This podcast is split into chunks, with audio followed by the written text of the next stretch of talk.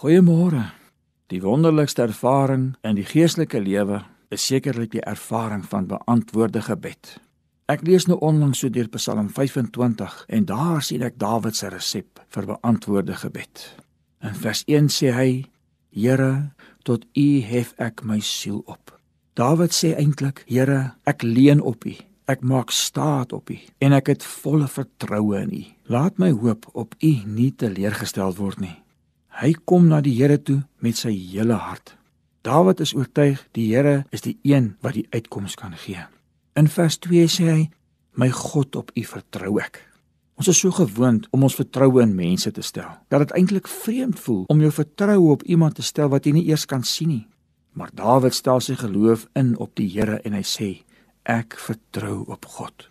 In vers 3 sien ek die man bid met 'n verwagting. Hy sê almal wat u verwag sal nie beskaam staan nie. Hoe baie maal bid ons sonder om iets te verwag? Hoe baie maal bid ons sonder om selfs te onthou waarvoor ons gebid het? Die Here wat die harte toets, sien dit en hy eer dit wanneer ons met verwagting na hom toe kom. In vers 5 sê hy: Ek verwag u die hele dag. Dit kos oefening om die hele dag ingestel te wees op die antwoord wat jy voorgebid het. Dawid kyk die hele dag uit vir die antwoord. Hy's geduldig en terwyl hy besig is met sy dagtake, vergeet hy nie waarvoor hy gebid het nie. Gedurig kyk hy met verwagting na die Here vir daardie antwoord.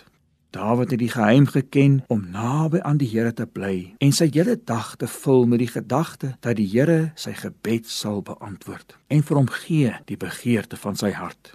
Die Bybel sê Dawid was 'n man na God se hart. Vandag verstaan ek hoekom hy so 'n man was. Hy het met sy hele hart op die Here gefokus. Hy het met 'n verwagting na die Here gegaan met sy versoeke en hy het geduldig bly fokus op die Here die hele dag totdat die antwoord gekom het.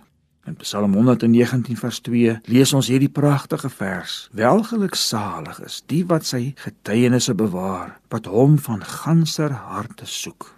Die Almoedi, die man wat die Here gebruik het om baie siele te wen, het eendag gesê: "Na die wonder om eendag my redder te sien, sal ek seker verwonder wees dat ek so min gebruik gemaak het van die krag van gebed."